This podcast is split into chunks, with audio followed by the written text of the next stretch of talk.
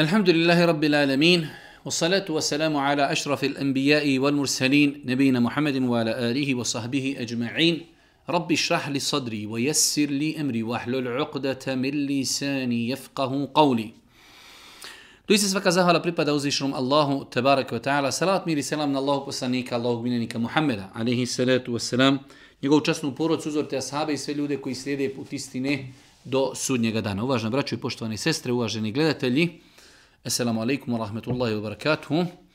Evo nas u još jednoj emisiji u kojoj se družimo sa vašim pitanjima i vašim dilemama. Ovo je naša 96. emisija. Lagano se približavamo našoj inšala jubilarnoj stotoj emisiji. Prvo pitanje, malo duže pitanje u kojem jedna naša sestra spominje problem da oni iz Francuske kada idu na Kosovo, potrebno je da pomogne svome mužu e, u vožnji, pa je odlučila da uzme vozačku e, i da polaži u Francuskoj, ali nije mogla da nađi e, ženu instruktora, pa to radi sa muškarcem, da li je to ispravno. E, smatram da u ovakvim pitanjima nema potrebe da se toliko žuri da bi mi morali prekršiti nešto što je islamom zabranjeno. Islamski učenjaci su spomenuli da je zabranjeno ženi da uzima časove vožnje sa muškarcom.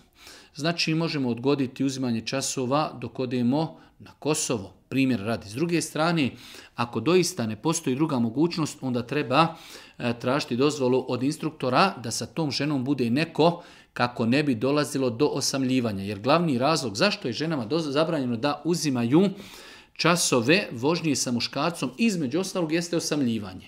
Tako da, e, ako ne bi bilo drugog načina i metode da žena nauči voziti, a treba se potruditi, a ako ne možemo, onda treba tražiti od instruktora da bude neko sa tom ženom, da li će biti njen muž, njen brat, njena sestra, njena majka, njeno dijete e, koje je punoljetno i tako dalje. U svakom slučaju bitno je da ne dođe do e, osamljivanja i svakako treba, treba tom čovjeku spomenuti situaciju da jednostavno e, ne smije dolaziti do dodirivanja tijela žene koju podučava vožnji, jer je i to jedna od stvari zbog koje je e, spomenuta stvar zabranjena. Ako izuzmimo e, doticanje i osamljivanje, i ako ne postoji drugi način i metoda, onda ako Bog da e, je to dozvoljeno i ispravno. Znači da nema dodirivanja i da nema i da nema osamljivanja, ali opet kažemo prioritetnije pokušati naći ženu instruktora. Ako samo jedan supružnik doživi ejakulaciju tijekom oralnog naslađivanja, a drugi ne, moraju li se oboje kupati ili samo taj koji je doživio? Apsolutno samo onaj koji je to doživio. Znači, ako se desi da supružnici nisu imali intimni kontakt, već su imali e, naslađivanje, naslađivanje, da li je to oralno ili e, bilo koji drugi način naslađivanja gdje nije došlo do intimnog kontakta, gdje nije došlo do spolnog odnosa, tada ako jedno od njih dvoje muško ili žensko doživi ejakulaciju, njemu je obaveza da se kupa drugoj, drugom, drugoj osobi nije. Za razliku, gdje nadam se da će možda baš danas doći pitanje e, u slučaju kada čovjek i žena imaju intimni kontakt, kada muški spolni organ uđe u ženski spolni organ, njima je obaveza da se kupaju bez obzira što niti jedno od njih dvoje ne doživi orgazam. Znači, ako bi čovjek imao intimni kontakt sa suprugom na način da muški spolni organ uđe u ženski spolni organ, njima samim tim postaje obaveza da se kupaju, makar ne doživjeli orgazam niti jedno od njih dvoje. U ovoj situaciji e, kaže ako samo jedan od supružnika doživi ejakulaciju tokom oralnog naslađivanja, tada je obaveza kupanja samo onome ko doživi ejakulaciju. Poštovani, imali smetnje da slika na kojoj je ispisana sura en nas na arapskom bude na zidu u spavačoj sobi bračnog para? Dva pitanja u jednom pitanju. Da li je sporno da e, levha na kojoj je ispisana sura kol euzobi rabbi nas bude okačena na zid u sobi, spavačoj sobi? E, prvo je pitanje da li u osnovi treba kačiti na zid sure ili ajete, odnosno levhene kojima ima kuranska sura ili neki kuranski ajet. E, velik broj učenjaka savremenog doba je kazao ili da je to pokuđeno ili da je to zabranjeno. Tako da je bolje izbjegavati, bolje je izbjegavati. Nećemo kazati da je to haram, ali je bolje izbjegavati. Kur'an je objavljen prvenstveno da bi se po njemu živjelo. Dio učenjaka je to dozvoljavao iz razloga što čovjek kada vidi taj kuranski ajet pa će ga možda to, hajde da kažemo, napomenuti i prisjetit će se gospodara i prisjetit će se zikrullaha i prisjetit će se dženeta, dženema i tako dalje. Tako da e, bolje je izbjegavati vješanje e, bilo kakvi levhi e, na kojima su ispisani kuranski ajet ili kuranske sure. E sada, ako kažemo da je to dopušteno, onda da li će to biti u spavačoj sobi ili nekoj drugoj sobi, onda je to više, ajde da kažemo, e, sporedna stvar. Osoba koja to smatra dozvoljnim, da li će to biti u dnevnom ili će to biti u spavačoj sobi, e, bitno je svakako da to nima kontakta sa čovjekovim e, ležajem i krevetom, ali ako je to negdje na zidu, bez obzira što se radi u spavačoj sobi, ako smatramo da je to dozvoljeno, onda je to dozvoljeno i u dnevnom i u spavačoj, a iako smo rekli da je generalno bolje to izbjegavati.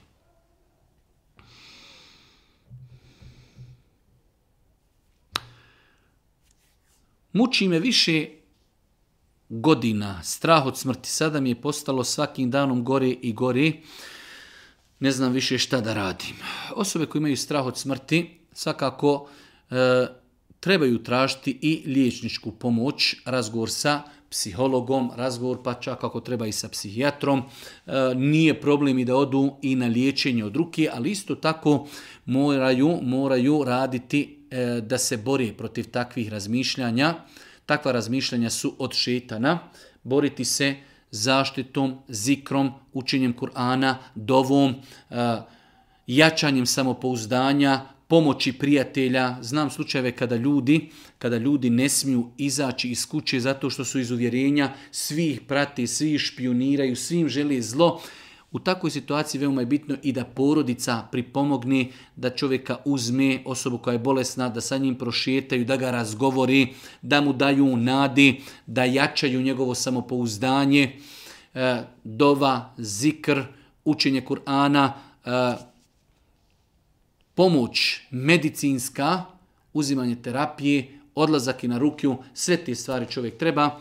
Jačanje akideta, spoznaje Allaha, osoba koja svati da mu se ne može desiti ništa osim onoga što mu je gospodar propisao, neće imati problema sa ovakvim stvarima. Svi mi ćemo umrijeti, malo je ljudi koji se ne boje smrti, svi ljudi strahuju od smrti, ali ta, smrt, e, ta strah od smrti ne smije otići, e, znači prijeći neke granice koji će nas putavati u normalnom načinu života. Jedno malo duže pitanje, Eh, od ljudi iz eh, dijaspore gdje ljudi imaju građevinske firme, pogađaju poslove na način da jedna velika firma pogodi posao, nakon toga e, izdaje poslove drugim firmama. E sada, te druge manje firme, da li im je dozvoljeno da učestvuju u gradnji crkvi, ako nisu oni nosioci projekta? Apsolutno ne. Znači imamo veliku firmu koja je e, pogodila posao da gradi veliku crkvu. I sada ta firma ne može ispuniti e, sve poslove, već mora angažirati drugi 5, 7, 10 manji firmi. Da li mi možemo graditi crkvu samo zato što mi nismo nosioci projekta? Opet mi učestvujemo u gradnji crkve, tako da e, zabranjeno je muslimanu da učestvuje u gradnji crkve. Svakako, kako neko ne bi razumio pogrešno, ovdje se misli na gradnju crkve, crkvi iz razloga što je to mjesto gdje će se činiti po našem islamskom uvjerenju najveći grijeh, a to je pripisivanje širka i sudruga uzvišnom Allahu gdje će ljudi tvrditi da je Isus Bog. Ali to ne isključuje da mi imamo lijepo opođenje prema nemuslimanima iz našeg okruženja i da ih pozdravimo i da im damo sadaku i poklon i da im pomognemo i da ih obiđemo, da oni nama dođu, da mi dođemo kod njih, da oni kod nas sjedu, da mi jedemo kod njih ono što je dozvoljeno. To su sve stvari koje su prihvatljive, ali da čovjek učestvuje u gradnji crkve, to nije dozvoljeno.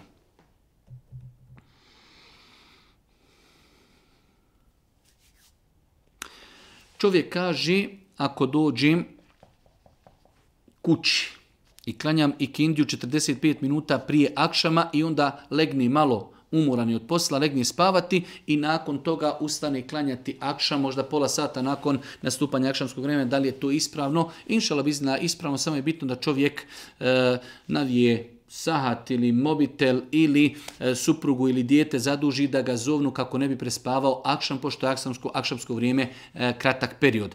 Ali da čovjek znači klanjao je ikindiju, umoran je, od ikindije je ostalo još 40 minuta do akšama, pa će još malo 15-20 minuta odspavati u akšamskom periodu. Da li je to sporno? Ako Bog da, nije sporno.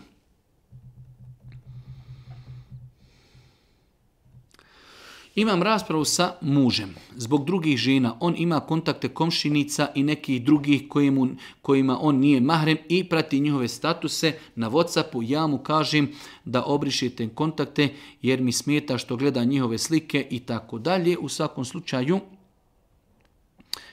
ja sam žena koja je godinama sa njim i rodila mu djecu i volim ga i prelazila često preko njegovih velikih grešaka, ali s njemu su izgleda bitnije komšinice i tako nego ja. U svakom slučaju, e, to je jedna savremena pojava gdje muškarci e, kontaktiraju sa ženama kojima oni nisu mahremi što je neispravno i što je polučilo mnogo, mnogo, mnogo problema kako u braku, tako da je to bilo razlogom e, kontakta sa ženama, pa i dodira, pa i na kraj kreva nekada i bludnih radnji. Tako da ova sestra je apsolutno u pravu. Ona pita na kraju jesam li ja u pravu. Svakako žena je u pravu. Treba savjetovati svoga muža i tražiti, insistirati od njega da, da prekine pratiti e, šta pišu i šta objavljuju i e, dopisivati se sa ženama kojima čovjek nije mahrem. Ako čovjek to ispoštuje, dobro i jest. Ako ne ispoštuje, žena treba da se strpi, sabura, e, da ga savjetuje. Ako bi to otišlo toliko daleko da žena e,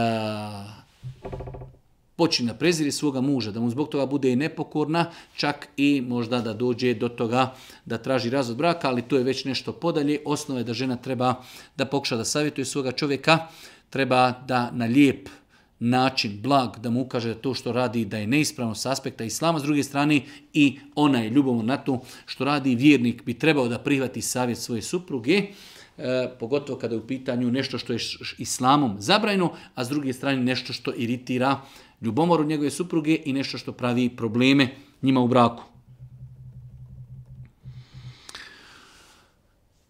Imam problema sa venama, boli me puno noge. Ljekar mi je rekao da nosim kompresivni čarape. Da li mogu po tim čarapama potirati? Zato što su puno tijesni? E, to što su oni puno tijesni ne znači da li se po njima može potirati ili ne. Bitno je da oni ispunjavaju uvjete koji su postavili islamski učenjaci za mestve i čarape, pa da bi se po tim čarapama ili mestvama moglo potirati. Određeni kompresivni čarapi nemaju e, vrhove, znači ne pokrivaju e, prste. Jednostavno tako su napravljeni kao vid nekih štucni gdje znači ne postoji donji dio čarapa. U svakom slučaju, ako su ove kompresione čarape takve da su kao i druge čarape, znači pokrivaju cijelu nogu, ali su duže, da li se može po takvim čarapama potirati? Apsolutno da, čak šta više po takvim čarapama zato što se što ih je teško skidati i ne smiju se skidati, po takvim čarapama i je prioritetnije da je dozvoljno potirati. Tako da osobe koje imaju problema sa venama i doktor im savjetuje da nose kompresione čarape, e, oni će i zajutra abdestiti, obući te čarape na nogu i cijeli dan mogu i cijelu noć potirati po tim čarapama, ali je bitno da su čarapi iz jednog dijela, da im znači jedan dio nije odsječen. Moraju se znači obući e, u periodu kada smo abdestili, dok smo pod abdestom i moraju biti znači da pokrivaju cijelu nogu.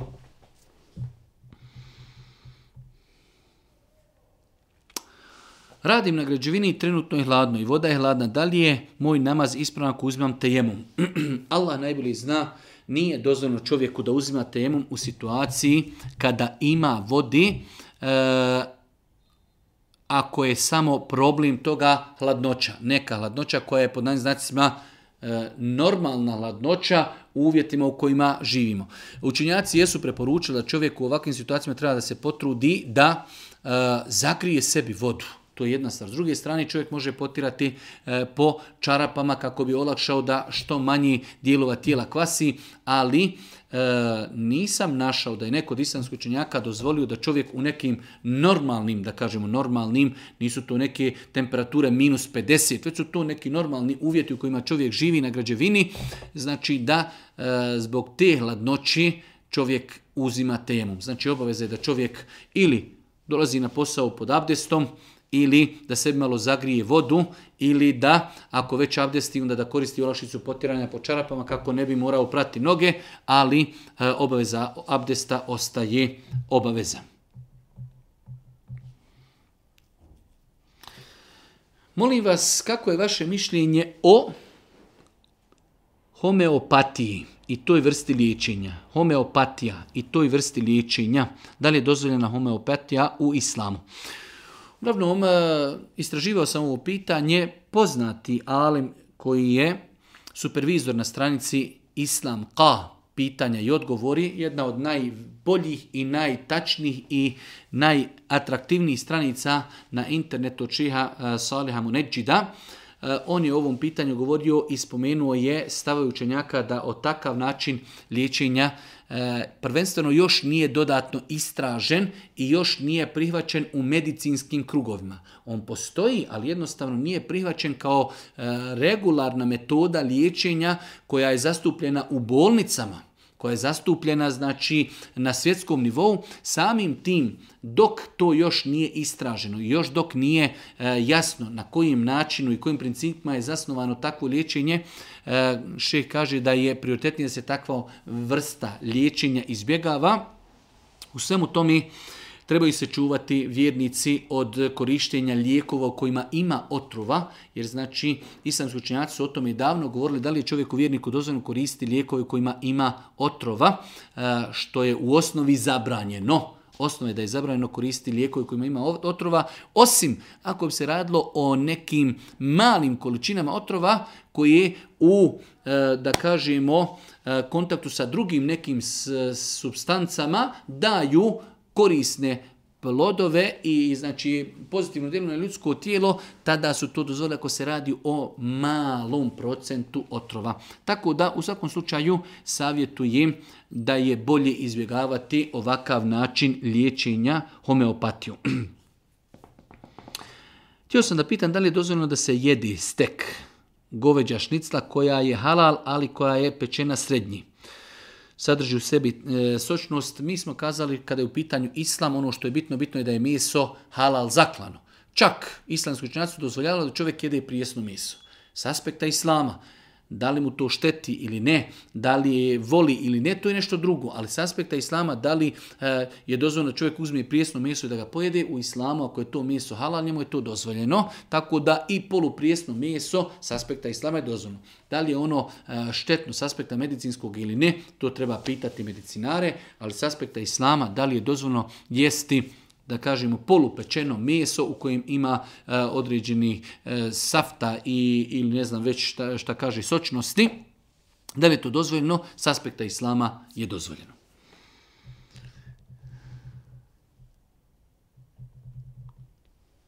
Dobio sam poklon od firme u kojoj se nalazi boca vina, daska za meso i još neki sitnica. Poklon sam uzeo, kada sam došao kući, a vino sam prolio. Da li sam ispravno postupio? Islamski učenjaci kazali su kad su u pitanju pokloni nevjernika da u osnovi ne treba prihvatati poklon koji je po islamu zabranjen.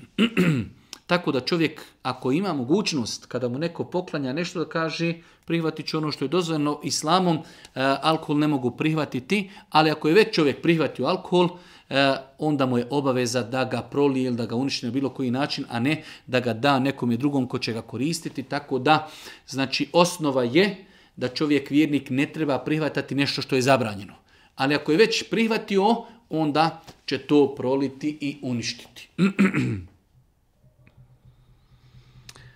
Ako sam dostigao nisav za zekija, da li moram izdvojiti isključivo 2,5 ili mogu dati i više iz dragi volje?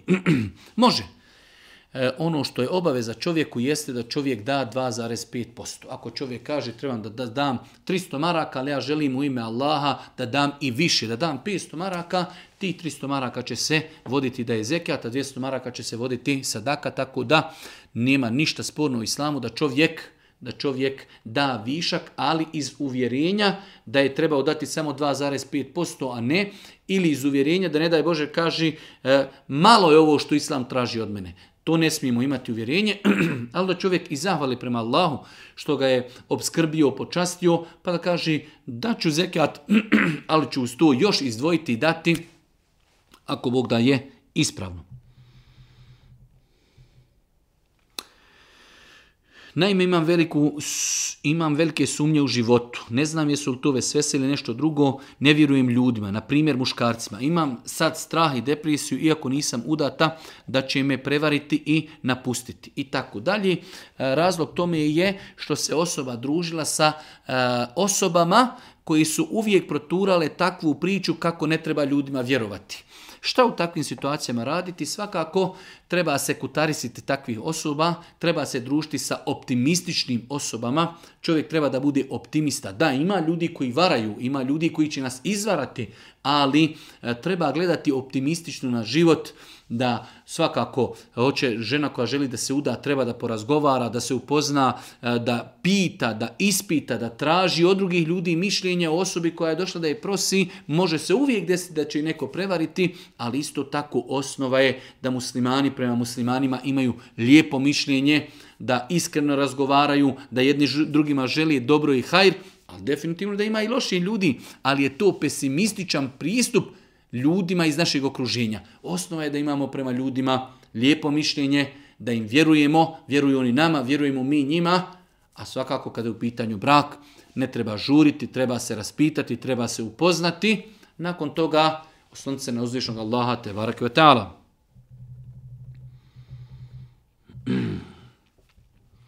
Zanima me stavi slama ko treba biti na prvom mjestu kod ženi kada se uda i kod muškarca kada se oženi, roditelj ili supružnik.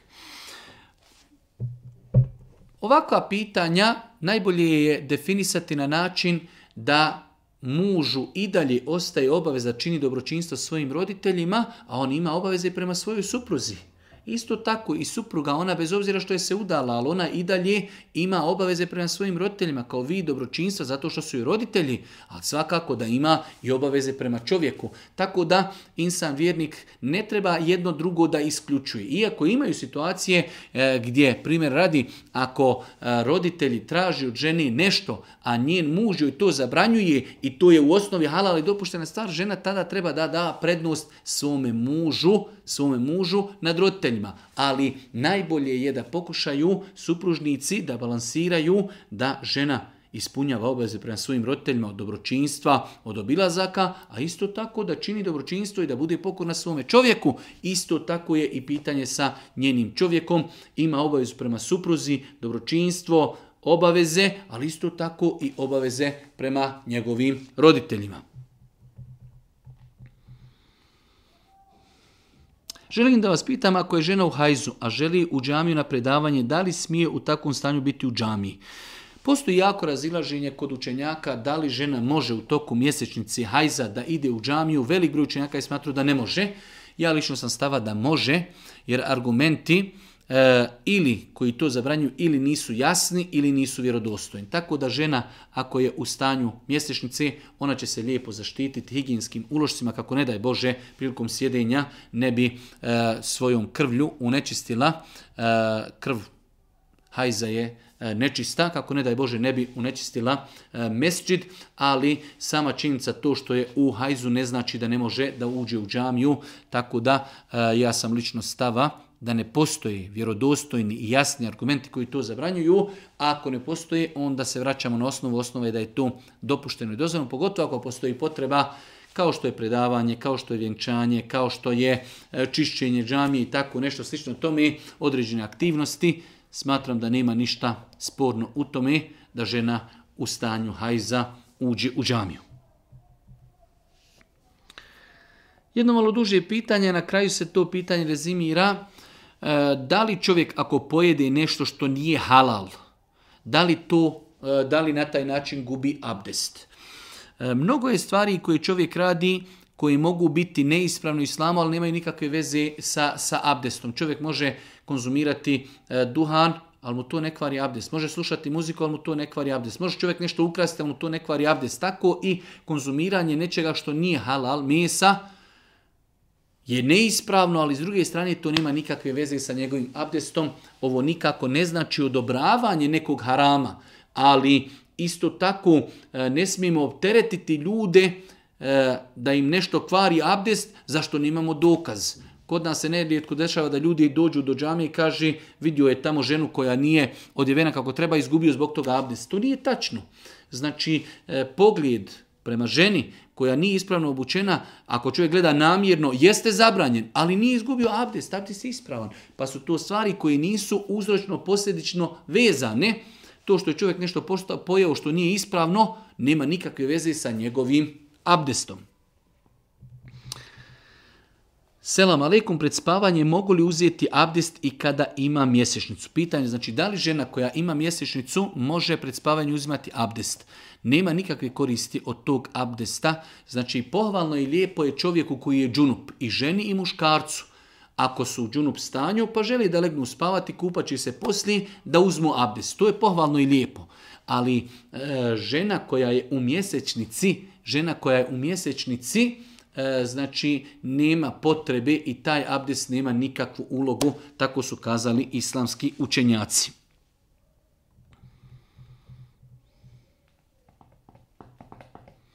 Pitanje je da li će nevjernici kršćani na sudnjem danu polagati račune ili će ući u džehennem bez polaganja računa pogledu ovog pitanja postoji različita razumijevanje kod islamskog učenjaka, ali dio učenjaka je kazao oni će polagati račune iz dva razloga. Prvo kako bi se ukorili zbog njihove nepokornosti, pa da im se kaže e taj dan si uradio taj grijeh, taj dan si uradio taj grijeh kao vid ukora.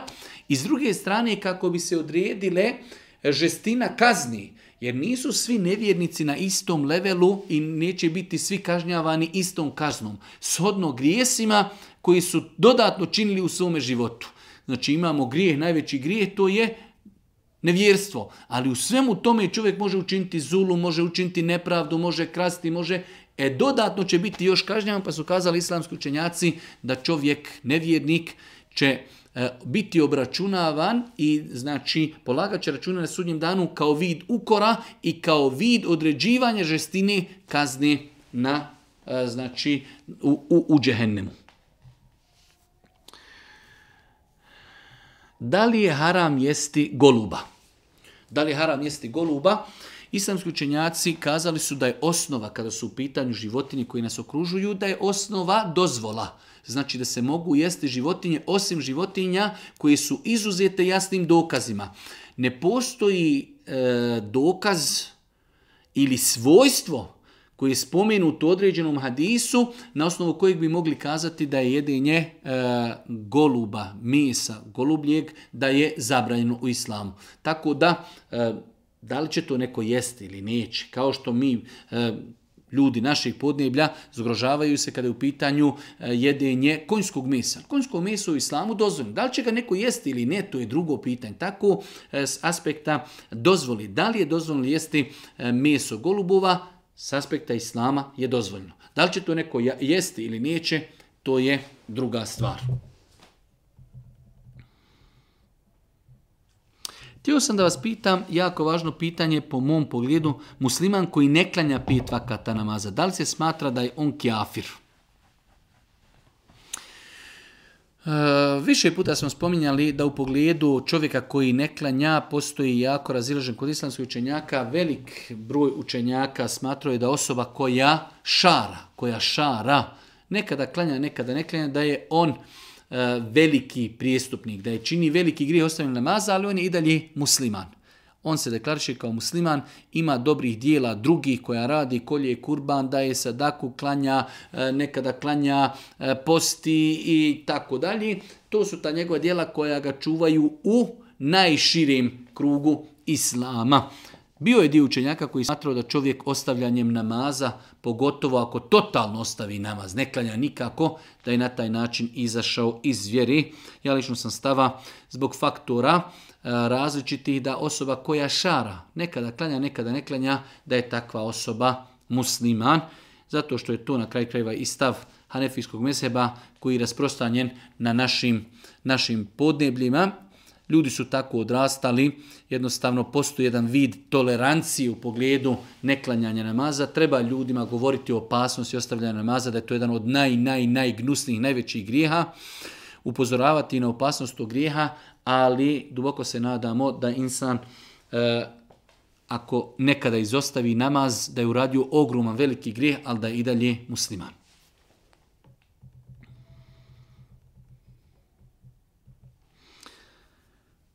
Da li se može učiti rukja za sljedbenike knjige muslimane?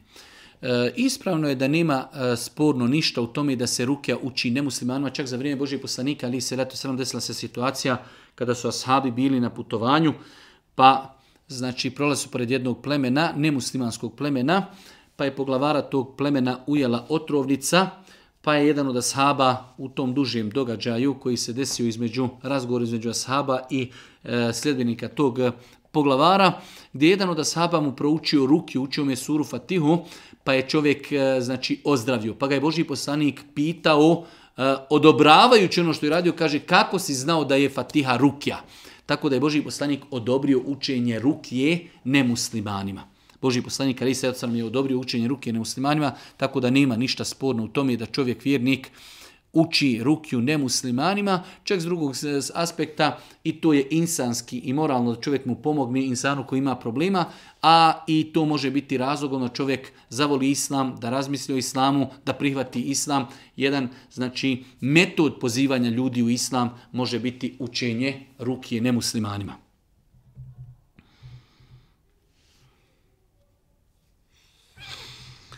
Jedno malo duže pitanje jednog našeg brata koji ima problem sa mokraćom. Kada mokri, znači mora sačekati neki 40 mm, minuta, nakon toga kada prestane mokrenje, on uzima abdest. Mi smo više puta spomenuli odgovor na takvo pitanje i on je to dobro shvatio. Znači, mi smo kazali osobe koje imaju problema sa mokraćom e, mogu biti u jednoj od dvije situacije. Ili imaju kontinuiran problem sa mokraćom, tada u takvoj situaciji kada nastupi namasko vrijeme čovjek će očistiti spolni organ, zaštiti će spolni organ i nakon toga abdestiti i klanjati bez obzira da li nešto isteklo ili ne, zato što je njegovo isticanje mokraće kontinuirano.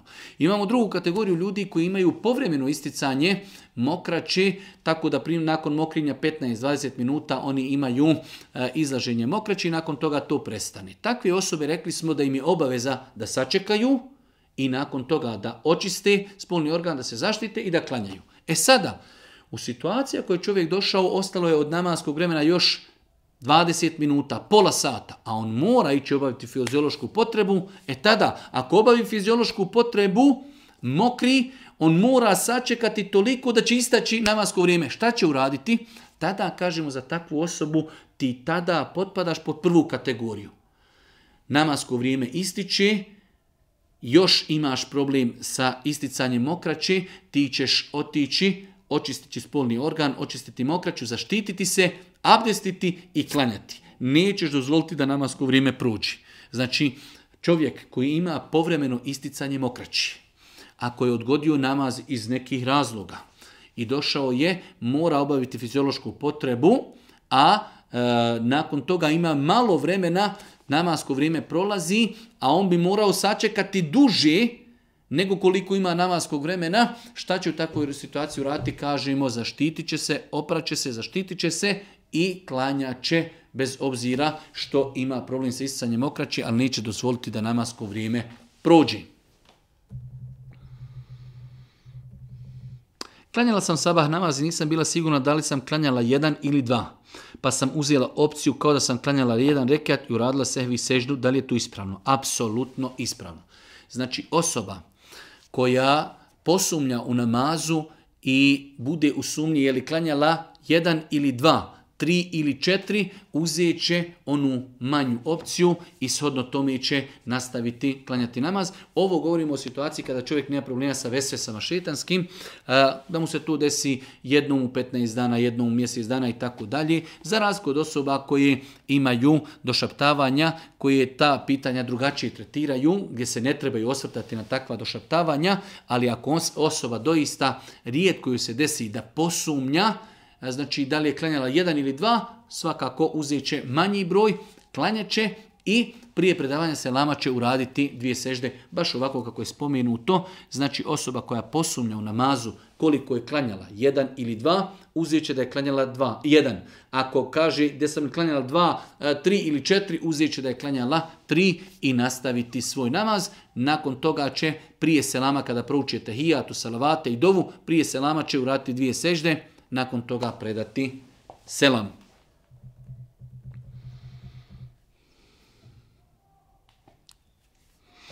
Čovjek radi i živi na zapadu, dolazi kući na odmor, kako će on klanjati? Da li smije skraćivati, spajati namaz? E, velikom većinom ljudi se pravdaju klanjajući skraćeno i kažu ja sam putnik i tako dalje.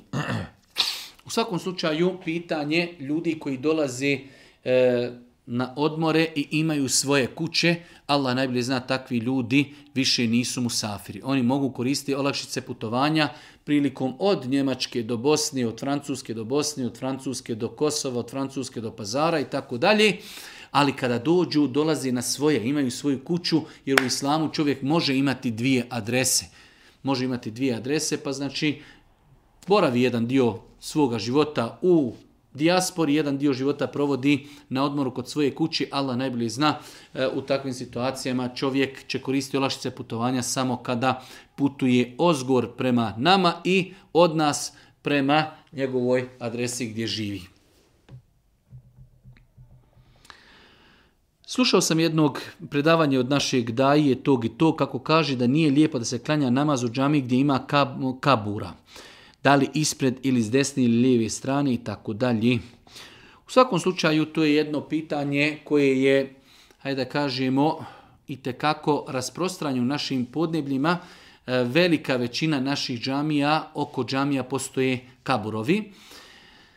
Tako da ako insan se nalazi u situaciji da živi u gradu ili nekom mjestu gdje imaju dvije džamije, da u jednoj džamiji oko džamije nema kaburova, oko druge ima, svakako da je bolje i ljepše da klanja u džamiji oko kojih nema kaburova. Ali u situacijama da gdje čovjek živi na selu ili u nekom gradu gdje ima samo jedna čaršijska džamija i oko te džamije ima kaburova, e, nadamo se inšala da namaz obavljen u takvoj džamiji je validan. Svakako ovom prilikom treba E, ukazati, sugerisati na neispravnost tog postupka. Znači, e, ljudi ako već pravi džamije, treba i da pravi džamiju na otvorenom gdje nema nikakvih kaburova i više da se oko takvih džamija ne okupavaju e, znači, medjiti iz bilo kakvog razloga. Znači, greška je ukopavati mejite oko džamije i u dvorišta džamijska. Tako da, znači, da li je namaz validan? Namaz je validan.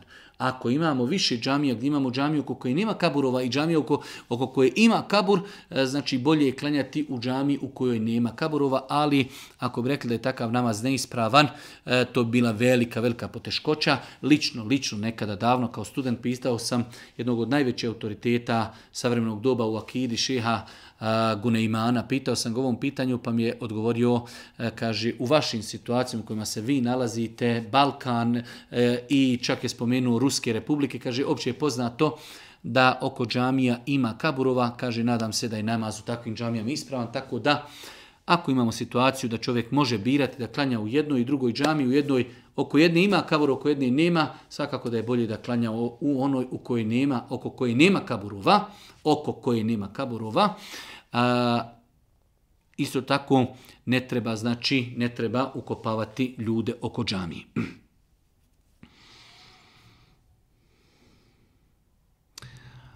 da li čovjek koji klanja u džematu kada imam kaže semi Allahu limen hamide, samo će kazati Rabbena velekel hamd ili će kazati i semi Allahu limen hamide. Ja sam stava, a to je stav šafijske pravne škole, da čovjek kada klanja u džematu kazat će i semi Allahu limen hamide. Znači mi kada smo na ruku, e, imam kaže semi Allahu limen hamide prilikom ispravljanja i mi ćemo prilikom ispravljanja kazati semi Allahu limen hamide, nakon toga ćemo kazati Rabbena velekel hamd i slijediti, slijediti imama.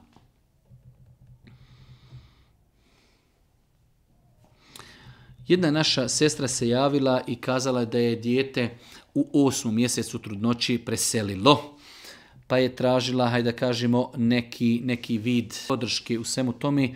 E, insan vjernik treba da kada je u pitanju kader, sudbina, nešto što ga zadesilo mimo njegovog tijenja, mimo njegovog tijenja, treba da zna ako se nađe u nečemu što je za njega teško, treba da se strpi i da očekuje nagradu. uzvišnog Allaha, te baraka ala, E, i Allah Đelešanu će ga nagraditi velikim nagradama. Ako se desi nešto što je lijepo, treba da zahvaljuje Allahu Đelešanu pa će ga Allah pomoći zbog toga što je zahvalan. Konkretno u ovim slučajevima imamo hadis, vjerodostan hadis da Allah poslanik ali se letu selam kazao tako mi onoga u čoj ruci je moja duša, zaista će pobačeno dijete. Dijete znači koje je žena pobacila, iako su islamski učenjaci u komentaru spomenuli da se misli na dijete koje je već bilo oživjelo, ono će to dijete uz pomoć pupčane vrci, povući svoju majku u džennet, ako se ona zbog gubitka tog djeteta bude strpljivo nadala nagradi uzvišnog Allah katala Ovo je jedan hadis koji doista uljeva veliku nadu tim ženama koje su imale problema, da su imale spontani, spontani gdje su djeca rođena mrtva. Znači mogu se nagati velikoj nagradi uzvišnog Allaha ako strpljivo podnesu takav, hajde da kažemo, musibet i takav udarac, znajući ako Bog da, će Allah tebara nagraditi velikim nagradama, a ovaj hadis uljeva veliku nadu da očekuju da ta njihova dječica, ako Bog da, na sudnjem danu ih uvedu, uvedu u džennet.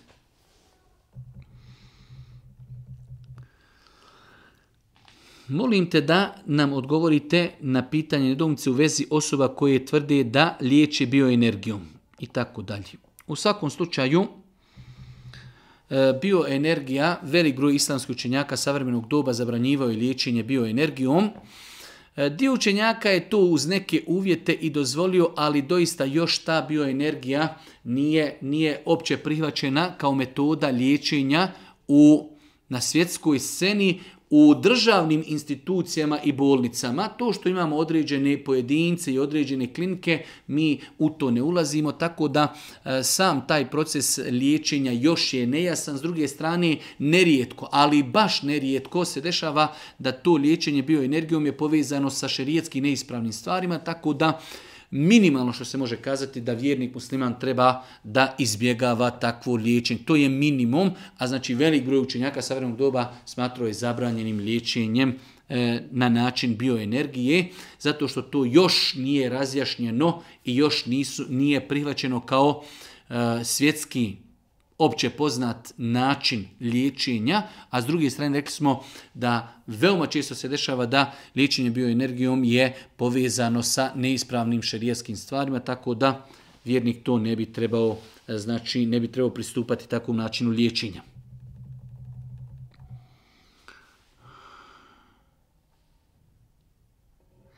Pitanje, potvorena sam za blud i nemoral, što nije tačno. Osjećam se veoma loše saburam koliko mogu, dovim. Ako možete odgovoriti šta treba da radim. Da li da prijavim službenim osobama ili da, se, da, ili da se sama borim sa time i da šutim i da čekam pravdu od uzvišnog Allaha. U svakom slučaju, e, ako se desi da je osoba potvorena, Eh, osoba ako se strpi i očekuje nagradu od Allaha eh, zbog te potvore, eh, očekujući da će svoja vrava uzeti na sudnjem danu, ona ima na to pravo. Kao što ima potpuno pravo da to znači prijavi institucijama koji su nadležene za, za takve stvari, da li je to policija, da li je to neko drugi, ali znači insan ima pravo. Ako ga je neko potvorio, u islamu jedan od najvećih grijeha, tako da insan ima pravo da dunjalučki traži svoje pravo i da tuži osobu koja ga je potvorila. Posljednje pitanje u večerašnjoj e, emisiji. Poštovani še, možete li nam reći nešto o pojmu koji se naziva isbal? Tačni da odjeća ne ide preko članaka kod muškaraca. U svakom slučaju, Isbal je termin koji označava puštanje odjeće ispod članaka za muškarce. Znači ženama je dozvoljeno da nose odjeću ispod članaka, a muškarcima je zabranjeno da nose bilo kakav vid odjeće ispod članaka. Postoji više vjerodostojnih hadisa eh, u kojima je Boži poslanik ali se letu zabranio nošenje odjeće ispod članaka. Nažalost, E, neki ljudi u svom neznanju nekada se ismijavaju sa omladnom koja podigne svoju odjeću iznad članaka, ne znajući da se na taj način ismijavaju sa propisom. To je propis. Podizanje odjeći iznad članaka je propis.